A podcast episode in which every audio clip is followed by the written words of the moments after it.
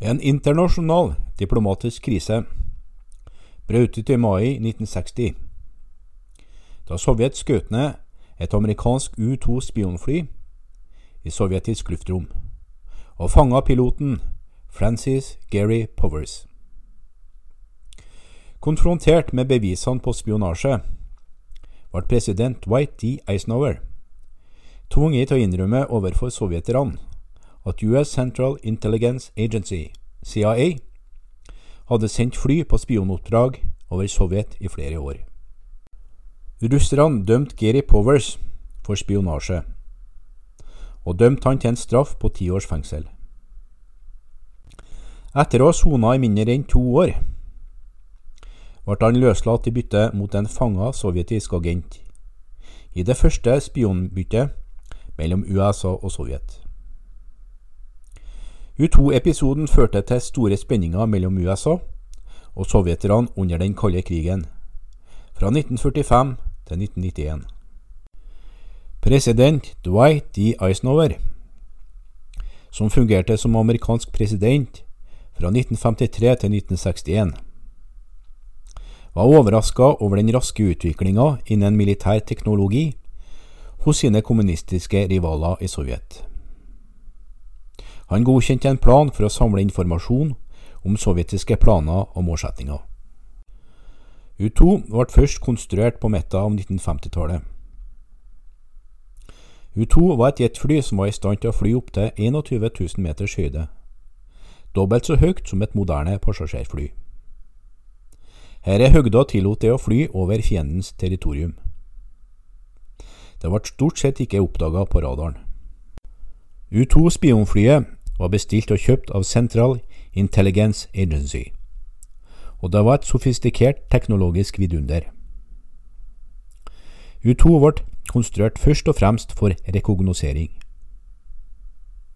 Flyet kunne gå opp til 70 000 fots høyde, og flyet var utstyrt med topp moderne fotografisk utstyr. Flyet kunne ta høyoppløselige bilder av detaljer. CIA forsikra president Eisenhower om at sovjeterne ikke hadde våpen som var avanserte nok til å skyte ned flyene. Å fly U-2 var svært vanskelig. Flyet måtte flys med nesten maksimal hastighet. Flyet var veldig følsomt for motvind, og vanskelig å lande. Piloter brukte flydresser som var lik romdrakter. U-2 spionfly i stor høyde begynte å foreta rekognoseringsflygninger over Sovjet i 1956, og flyene ga USA innblikk over sovjetiske militæranlegg. I 1960 gjennomførte USA flere flyturer med U-2 over sovjetiske baser, tettsteder og rakettsiloer i Sentral-Asia. Disse operasjonene ble utført av CIA, i stor grad fordi tilstedeværelsen av et amerikansk militærfly over et sovjetisk territorium kunne tolkes som en krigshandling. Eisenhower var fornøyd med informasjon som flyturene over Sovjet hadde samla inn. Fotografier tatt av spionflyene avslørte at den sovjetiske kjernefysiske kapasiteten var betydelig mindre enn det den sovjetiske lederen Nikita Khrusjtsjov hadde hevda at russerne hadde. Eisenhower fikk vite at USA, i stedet for å lide av mangel på våpen eller et missilgap, som mange amerikanske politikere hevda, i stedet hadde atomstyrker som lå langt over det fienden hadde. CIA beroliga presidenten om at selv om flyet skulle bli skutt ned, så var det utstyrt med ødeleggelsesmekanismer som ville ødelegge flyet. Og piloten var instruert om å drepe seg sjøl i en slik nødsituasjon. Sovjeterne var klar over rekognoseringsflygningene, fordi de kunne få øye på spionflyene på radar. I nesten fire år hadde ikke Sovjetunionen muligheter til å stoppe dem. U-2-flyene var opprinnelig utilgjengelige for både sovjetiske jetfly og raketter. Imidlertid hadde Sovjetunionen våren 1960 utvikla et nytt Zenit bakke-til-luft-missil med lengre rekkevidde. I april 1960 lekte et U-2-fly som tok av fra Pakistan, katt og mus-leik med det sovjetiske MiG-1-fly, før det landa i Iran. Et annet U-2-fly, flydd av Francis Gary Powers, tok av 1. mai 1960 med ordre om å fotografere sovjetiske installasjoner, inkludert atomrakettsiloer og en plutoniumfabrikk. Powers fløy gjennom den tynne atmosfæren i utkanten av verdensrommet, og utførte den type topphemmelige oppdrag han spesialiserte seg i. Det var for å fly et U-2 spionfly over Sovjetunionen for å fotografere militære installasjoner. Det sovjetiske luftforsvaret var klar over dette oppdraget, men U-2s høyde forhindra det i å bli lokalisert. Hvis alt hadde gått etter planen, ville Powers ni timers lange flytur ha ført han fra Pakistan til en flyplass i Norge. I motsetning til tidligere U-2-oppdrag gikk imidlertid dette veldig galt. Mens han fløy over Uralfjellene, ble Powers U-2-fly truffet av en bakke-til-luft-rakett og tvunget til å krasjlande.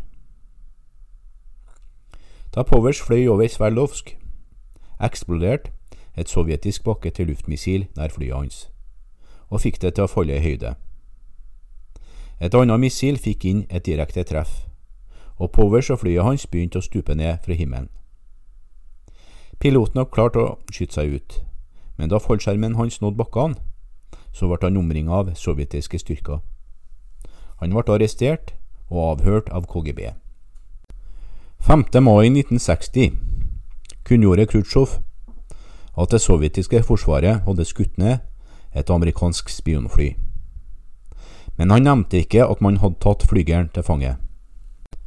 Da Powers ikke klarte å ankomme den angitte flyplassen, antok amerikanske befal at han var død, og at flyet hans hadde styrta eller hadde blitt skutt ned.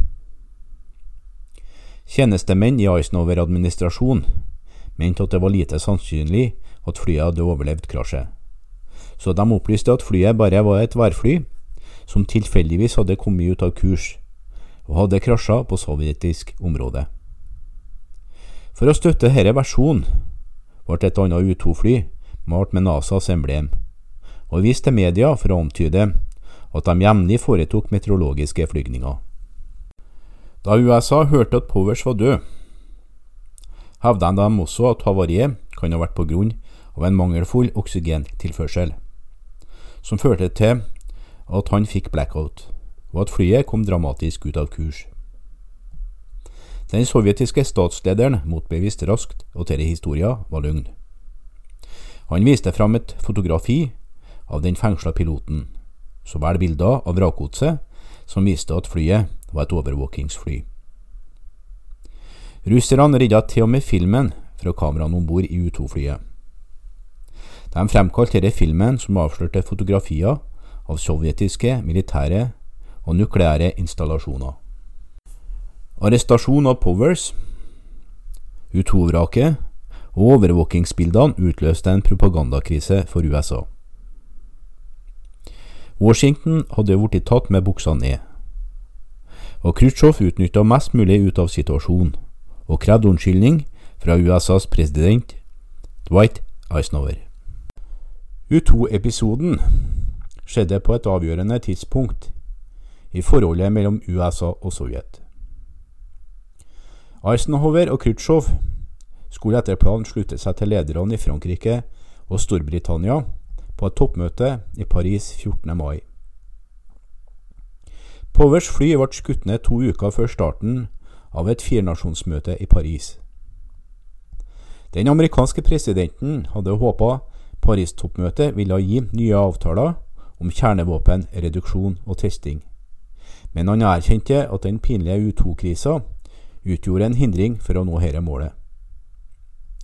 Eisenhower ville også ta opp Berlin-spørsmålet på dette møtet. Før verdenslederne åpna toppmøtet i Paris, tok Eisenhower-administrasjonen på seg ansvaret for spionflygingene, og innrømma at forklaringene om værflyet var falske. men president Eisenhowers tilståelse kunne ikke redde toppmøtet. Da møtet åpna, holdt Khrusjtsjov en tirade mot USA og Eisenhower. Da toppmøtet starta 14. mai, var det første Khrusjtsjov gjorde på møtet, var å kreve at den amerikanske presidenten Eisenhower ba om unnskyldning. U2-hendelser hadde overbevist Khrusjtsjov om at han ikke lenger kunne samarbeide med Eisenhower, og den sovjetiske lederen reiste fra Paris-møtet bare noen timer etter at det starta. Møtet kollapsa umiddelbart, og toppmøtet ble avbrutt. Sovjetiske forhandlere forlot også samtalene om atomnedrustning den neste måneden. Her er hendelsene som utspilte seg under Eisenhowers siste år i Det hvite hus, brakte en ny spenning inn i forholdet mellom Amerika og Sovjet, og satte agendaen for de videre spenningene som oppsto under administrasjonen til Eisenhowers etterfølger, John F. Kennedy. Mens verdenslederne krangla om spionflyene, satt Powers i et sovjetisk fengsel. Etter uka med avhør av det sovjetiske militæret og KGB ble Powers stilt for retten, sikta for spionasje mot Sovjetunionen. I august 1960 ble han stilt for retten for spionasje og dømt til ti års fengsel. Han ble funnet skyldig og dømt til tre års fengsel, fulgt av syv års opphold i en arbeidsleir. Han satt mindre enn to år bak murene.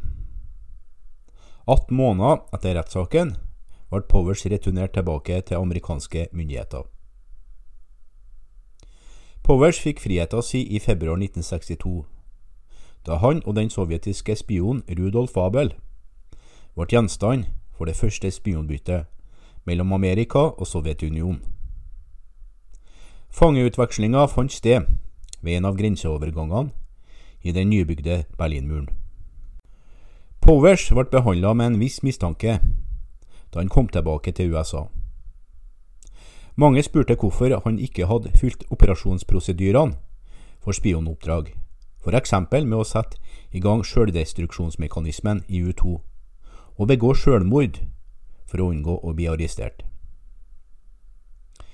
Han ble heftig forhørt av sine overordna ved CIA og deretter senere av et kongressutvalg. Powers fikk senere skryt for å ha opptrådt ærlig og modig, og ikke avslørt kritisk informasjon til russerne. Etter at han kom tilbake til USA og forlot CIA, jobba Powers lenge som helikopterpilot for en TV-stasjon i Los Angeles.